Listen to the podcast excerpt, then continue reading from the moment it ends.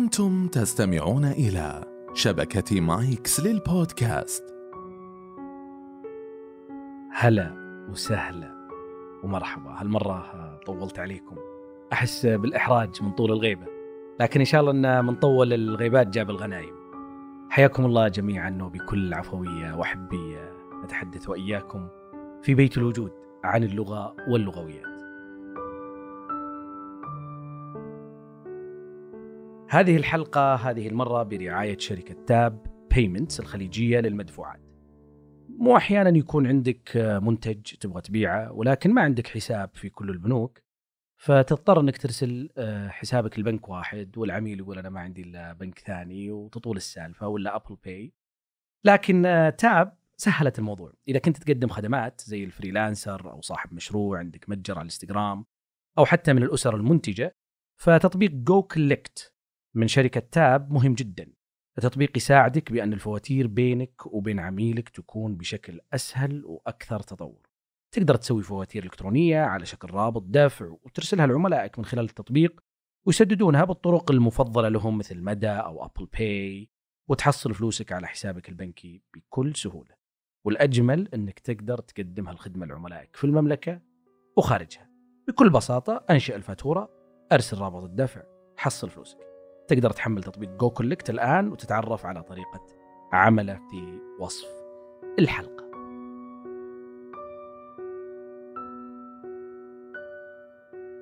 اليوم حديثنا آه، مثل ما عودتكم بكل عفوية من غير أي آه، طابع رسمي أو علمي وإنما دردشة حول ظاهرة كثيرة تنتشر عن اللغة بشكل عام.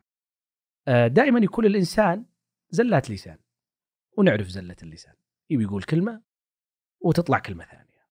أحيانا هالكلمة هذه لها علاقة بتفكير الإنسان وذكرناه قبل في اللغويات النفسية. والعلاقة باكتساب اللغة وأثرها وعمل اللغة في الدماغ وتنقيح الكلام داخل اللغة وكيف إنه آه، اللغة تعمل بشكل مستقل عن الذاكرة. لكن أحيانا الموضوع له علاقة بتركيبة اللغة نفسها. يعني مثلا بتقول درج الكهرب تقول كرب الدهرج. بتقول صندوق بردقان طبعا بعضهم يقول برتقال على حسب اللهجات فتقول بردوق صندقان.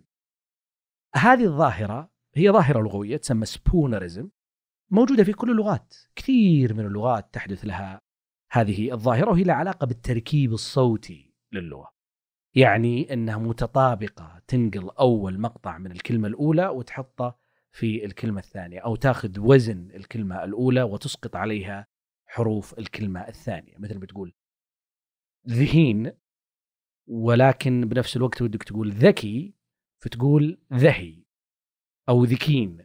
فإذا كنت من الناس هذولي فترى ما أنت بالحالك.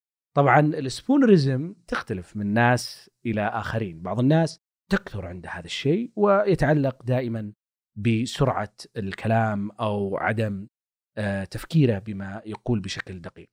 لكن اللسان وزلاته والتلعثم باب واسع جدا حتى يصل إلى التأتأة والتأتأة اللي لها علاقة بالتفكير أو الشيء النفسي أو التأتأة اللي لها علاقة بالمدرج الصوتي بال vocal tract ثم ندخل عاد على ال speech therapy اللي هو آه العلل الصوتية والعلاج الصوتي بشكل عام.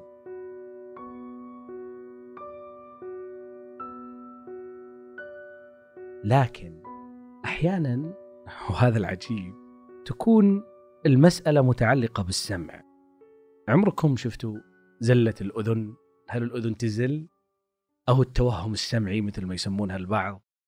تسمع شيء وتفسره بشكل معين. ليس من أجل المعنى. لا لا الصوت نفسه. تسمع الصوت معين. لكن هو شيء مختلف تماما. يعني مثلا أشهر مثال عليها الأغنية المشهورة فوق النخل فوق. كثير من الناس قاعد يسمعها فوق النخل لكن هي في الحقيقة فوق إلنا خل. أيوة. الآن بدأت تستوعب هذه الفكرة هي ليس علاقة بتفسير الكلام. أنت أذنك سمعت حروف متشابكة وهذا ما يسمى بال connected speech كلام وأصوات مترابطة فأنت أخذت جزء من نهاية الكلمة الأولى وربطته في جزء آخر الكلمة. زي أحلى من العقد لباسة. ال- الكلمات المشهورة هذه. فبعضهم يسمعها احلامنا العقد لباسة لأن أحلى من. فماشية على أذنه بهالطريقة ومتصالح معها إلين يتفاجأ مثل ما تفاجأنا بأنه حقر بقرة هي حقرة وبقرة. ثم الأول يخطئ ويظن إنها حقر بقرة ثم ينطقها ويأكدها بهذه الطريقة وتستمر بهذه الطريقة. وهذه الظاهرة يسمونها ال eggcorn. وش المقصود بال eggcorn؟ إنه أذنك تتوهم أنها سمعت شيء ولكن هذا الشيء ينسجم مع المعنى. لو ما انسجم مع المعنى ما كان أصلا أنت ركبته في بالك. لو كان تسمع شيء لكنه ما ما له معنى. تقول يعني كيف تجي هالكلمة داخل هذا السياق؟ ما لها معنى. كذا لا يمكن توقف وتسأل تقول لها كيف صاير؟ خصوصا إذا كانت الكلمة نادرة ما تحدث كثيرا. يعني تركت المكلى لك. المكلى مو كل الناس تعرف المكلى إنه مكان. فبالتالي كثير من الناس يسمع تركت المكان لك. تركت المكان لك. ال- العجيب في هالموضوع كيف إن العقل البشري دائما يتأثر بالسياق؟ وكأن السياق له سلطة حتى على السمع ويقدم الإنسان السياق على السمع. ومن هنا يعني ينفتح باب كبير جدا في اللغة. مثلا في آه، صناعة النكتة. هي تقوم بشكل كامل على السياق. تأتيك بسياق معين تتوقع نهاية معينة ولكن يفاجئك بأنه ما يمشي ضمن السياق. فيغيرها إلى سياق آخر تتعاون أنت والمتحدث أو الملقي النكتة أو كاتبها بالسياق الآخر اللي يسمى المرجع أو التعاون في الخطاب وتفهمونه فتصير النكتة وتضحكون. ولهذا إيش يقولون هم في تعريف البلاغة؟ يقولون هو تقديم معنى مرجوح على معنى راجح بقرينة. يعني لو أجي طبعا البلاغة هي لغرض إبداعي وليس لغرض سخرية أو لغرض آه طرفة. يعني مثلا لو جيت قلت لك والله أنا اليوم شفت أسد. المعنى الراجح وش هو للأسد؟ المعنى الراجح للأسد إنه الأسد اللي نعرفه في الغابة ملك الغابة. لكن لو قلت لك شفت أسد يخطب في المسجد. آه لا كلمة يخطب في المسجد هذه قرينة. القرينة بتقول لك لا لأنه الأسد اللي في الغابة ما يخطب في المسجد فبالتالي إنه يقصد شخص من خطابته وجمال خطابته كأنه أسد صح؟ لما أقول لك عين بيجي بالك العين اللي ترى فيها. لكن لما أقول والله إنسان أعطاني عين مستحيل احد يفك عينه ويعطيك إياها.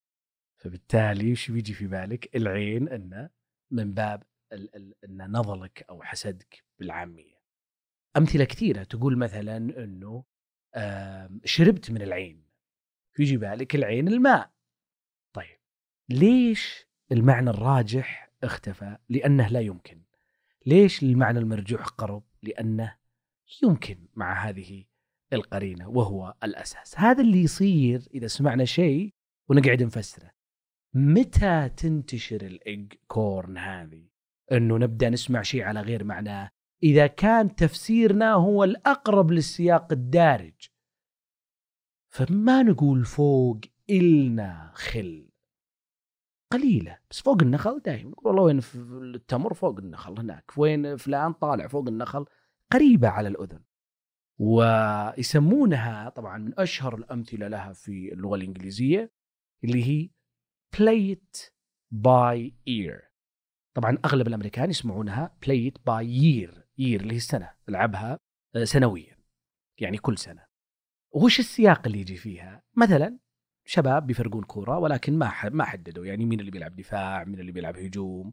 اجتمعوا كذا يقولون you know play by ear هم يسمعون play by year يعني إحنا يعني نلعبها كل سنة فبالتالي خلاص يعني نلعبها دايم. عادي خلونا نلعب خلونا نفرق بس نطقها واللي يمشي يمشي يعني. مو بلازم نحدد من الدفاع من الهجوم يعني. آه بالسليقة خلونا نلعبها مثل ما يقولون. لكن هي في الحقيقة it by ear. وهي آه يعني ال- الكلمة هذه دارجة بشكل كبير عند الفرق الموسيقية. إذا جو يعزفون شيء ولا عندهم نوتة فيقولون إيش؟ Play it by ear. يعني نسمع نمشي مع بعض. إذا حسيت إنك طلعت نشاز ترجع شوي. إذا مشينا في الموسيقى كذا نقدم أنت وارجع. فلعبها بالسليقة تجي أيضا. لكن ما هي بوارده عندهم. يعني كيف أنا إذا جينا نلعب كورة ولا إذا جينا نلعب طايرة ولا إذا جينا آه، مثلا تحليق آه، بالجو اللي يسمونه آه، الحر السقوط الحر وغيره يقول play it by ear إيش دخل ال ear؟ إيش دخل الأذن؟ فعشان كذا صار المعنى الراجح هو year فمشت. وتكثر هذه الأمثلة بشكل عجيب كيف إنه المعنى الأصلي ينطبق على السياق والمعنى اللي صار في أذن المستمعين وصار دارج أيضا يمشي مع السياق. ومن أشهر أمثلته أيضا في اللغة الإنجليزية toe the line toe the line هو معناته انضبط خليك ملتزم القذة حذو القذة و toe the line يمكن أقرب معنى لها أنا سأجتهد وأقول مثلا استو قال المؤذن استو استو هذه toe the line لكن الأمريكان قاعدين يسمعونها أو الإنجليز بشكل عام T O W يعني شفتوا ال line الخط؟ اسحبه وخليك عليه واقف. tow the line بينما هي في الحقيقة toe the line toe من اصبع الرجل أكرمكم الله في الإنجليزية. فشف كيف؟ هذه الظاهرة العجيبة. أتوقع وأنت تسمعني الآن ظهر آه ولا جاء في ذهنك كثير من الأمثلة اللي أنت كنت تسمعها شيء وهي شيء ثاني مختلف تماما. أنا عن نفسي كنت أسمع لو كلفتني المحبة لو كان لافتني المحبة يعني لو المحبة جتني ولا عرفت يمكن من قريب يعني شفتها مكتوبة إنه لو كلفتني المحبة فكلها جاية. هذا الزلل في الأذن هو يصنع السياق مع إن الكلمة قريبة. أذكر مرة في مرحلة الماجستير آه، سويت تجربة بحثية بسيطة آه، وهي إنه رحت الأمريكي وخليته يسجل كلمة. طبعا هي قصة إنه زوجته وعاشوا فتره طويلة وكذا ثم قال فجأة إنه by the way يعني على الطاري I buried my wife at the church. يعني أنا دفنت زوجتي في الكنيسة. فالأمريكان ما ما ما أو النصارى بشكل عام ما يدفنون زوجاتهم في الكنيسة هم يتزوجونهم في الكنيسة. So I married my wife at the church. فكانوا يسمعونها بعدين خلي أروح للناس في الأسواق. طبعا اللي مسجلها شخص أمريكي. بنطقهم native speaker فأروح لمهم في الأسواق واسمعهم القصة. بعدين أسألهم أقول لهم وش سوى هو في الكنيسة؟ فيقولون إنه هو تزوج آه زوجته في الكنيسة، هو في الحقيقة ما ما قال أنا تزوجتها، هو قال أنا دفنتها، لكن ليش سمعوا buried married؟ ال B وال M صحيح إنها كلها حروف آه، شفوية ولكنها تختلف آه، تماما، الأول انفجاري والثاني ما هو انفجاري. الحرف فليش؟ لأنه السياق السياق ما ما في حديث فيجي في باله هذا الشيء الثاني البعيد. هذا هو بالضبط اللي يسوون الناس عند صناعة النكتة. فهو ليش يروح للمعنى البعيد اللي ما هو في السياق حتى يفاجئك فتستغرب فتفهم السياق الثاني فتضحك. يعني مثلا عند الأمريكان يقولوا لك why 7 is afraid of 9 عفوا ليش تسعة زعلانة من سبعة؟ أو خايفة من سبعة. because 7 8 9 لأنه سبعة أكلت تسعة. 8 هنا أنت بتفهمها تقول أوه 8 ما يقصد فيها الرقم 8 يقصد فيها الفعل الماضي من ايت فيضحك المستمع. ليه؟ لقطتها يعني. وعشان كذا في الأبحاث يقول لك دائما متعلم اللغة الثانية يضحكون لأطرف نكتة وأسمج نكتة في اللغة الهدف اللي اللغة اللي تعلمها لأن لقطها لأنها بعيدة عنه فوصل للحس الكوميدي في الموضوع. بينما صاحب اللغة نفسها يشوفها عادية. أنا مثلا أدرس اللغة العربية للناطقين بغيرها فأذكر أي مثال عادي وفيه يعني حس طرفة بسيط فيضحكون. يعني بعضهم مثلا أجي أقول لطلابي روح خذ هذا المفتاح وروح افتح مكتبي مثلا فأقول لها أنت بتضيع أخاف تضيع ما نلقاك عادية الكلمة. فيضحكون يضحك الفصل كله. ليش؟ لأنه خاف تضيع ما نلقاك الكلمة يحتاج أنه يترجمها لغته فإذا ترجمها لغته يلقط المعنى فبالتالي يضحك. نفس الشيء يحدث في النكتة في لغتك الأولى. إذا كل ما صار المعنى بعيد ثم لقطته ستضحك أكثر. عشان كذا بعضهم مثلا في اللغة العربية أو في النكت المشهورة الحين يقول والله شريت سيارة يسال واحد شلونها؟ والله يقول لونها كحلي. يقول والله كحلي ولا اعطس لي فيضحك. ليه؟ لأنه أوه كحلي يعني إنك تكح فأعطس فتبدأ تربط في السياق البعيد ثم تجي الضحكة. آه مثلا يجي شخص يقول والله ما شاء الله آه مدرستكم كبيرة. يجي واحد يقول والله كبيرة ولا كبيبسي؟ فأو كبيرة بعدين كبيبسي بيرة وبيبسي فإذا لقطها قام يضحك. فكلما ابتعد المعنى المضمر حسب السياق فيضحك المتلقي. وهذا السبب عشان يعني أعلمك أيضا عند الحديث في الشتم في لغة الشتم الشتيمة. و آه، الناس ببعض الألفاظ. والهجاء. لما يكون باللغة الثانية ما يكون بنفس الوقع إذا كان باللغة الأولى. عشان كذا نشوف بعض الناس يقول كلمات جدا سيئة في اللغة الإنجليزية في مكان عام أو يقولها لشخص لكن ما يقدر يترجمها باللغة العربية. ما يقدر. لو بيقولها باللغة العربية ما يقوى لأن المعنى يصير مباشر. لكن في اللغة الإنجليزية يحتاج يترجم في مخه شوي يعني يأخذ لها خطوة زيادة. في يقل يضعف دور المعنى شوي.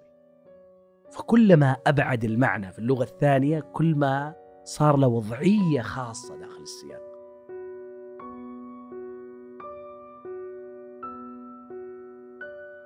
وهذا أيضا يستخدم في الإعلانات. الإعلان الآن وش قاعد يسوي هو؟ قاعد يستخدم زي ال eggcorn هذه اللي تحدث بشكل طبيعي عند الناس. يسمع كلمة ولكن تجي في باله شيء ثاني بسبة تواصل الحديث في شبك آخر كلمة مع أول كلمة وتطلع له كلمة. ثانية ما هي بالمقصودة لكنها تمشي مع السياق فيفسرها هذه ال eggcorn بشكل عام. أحيانا الإعلانات أو الدعاية يسوون هالشيء. مثل مثلا إذا قال لك والله خذ لك ثنتين. ثقافيا لها مرجعية. خذ لك ثنتين.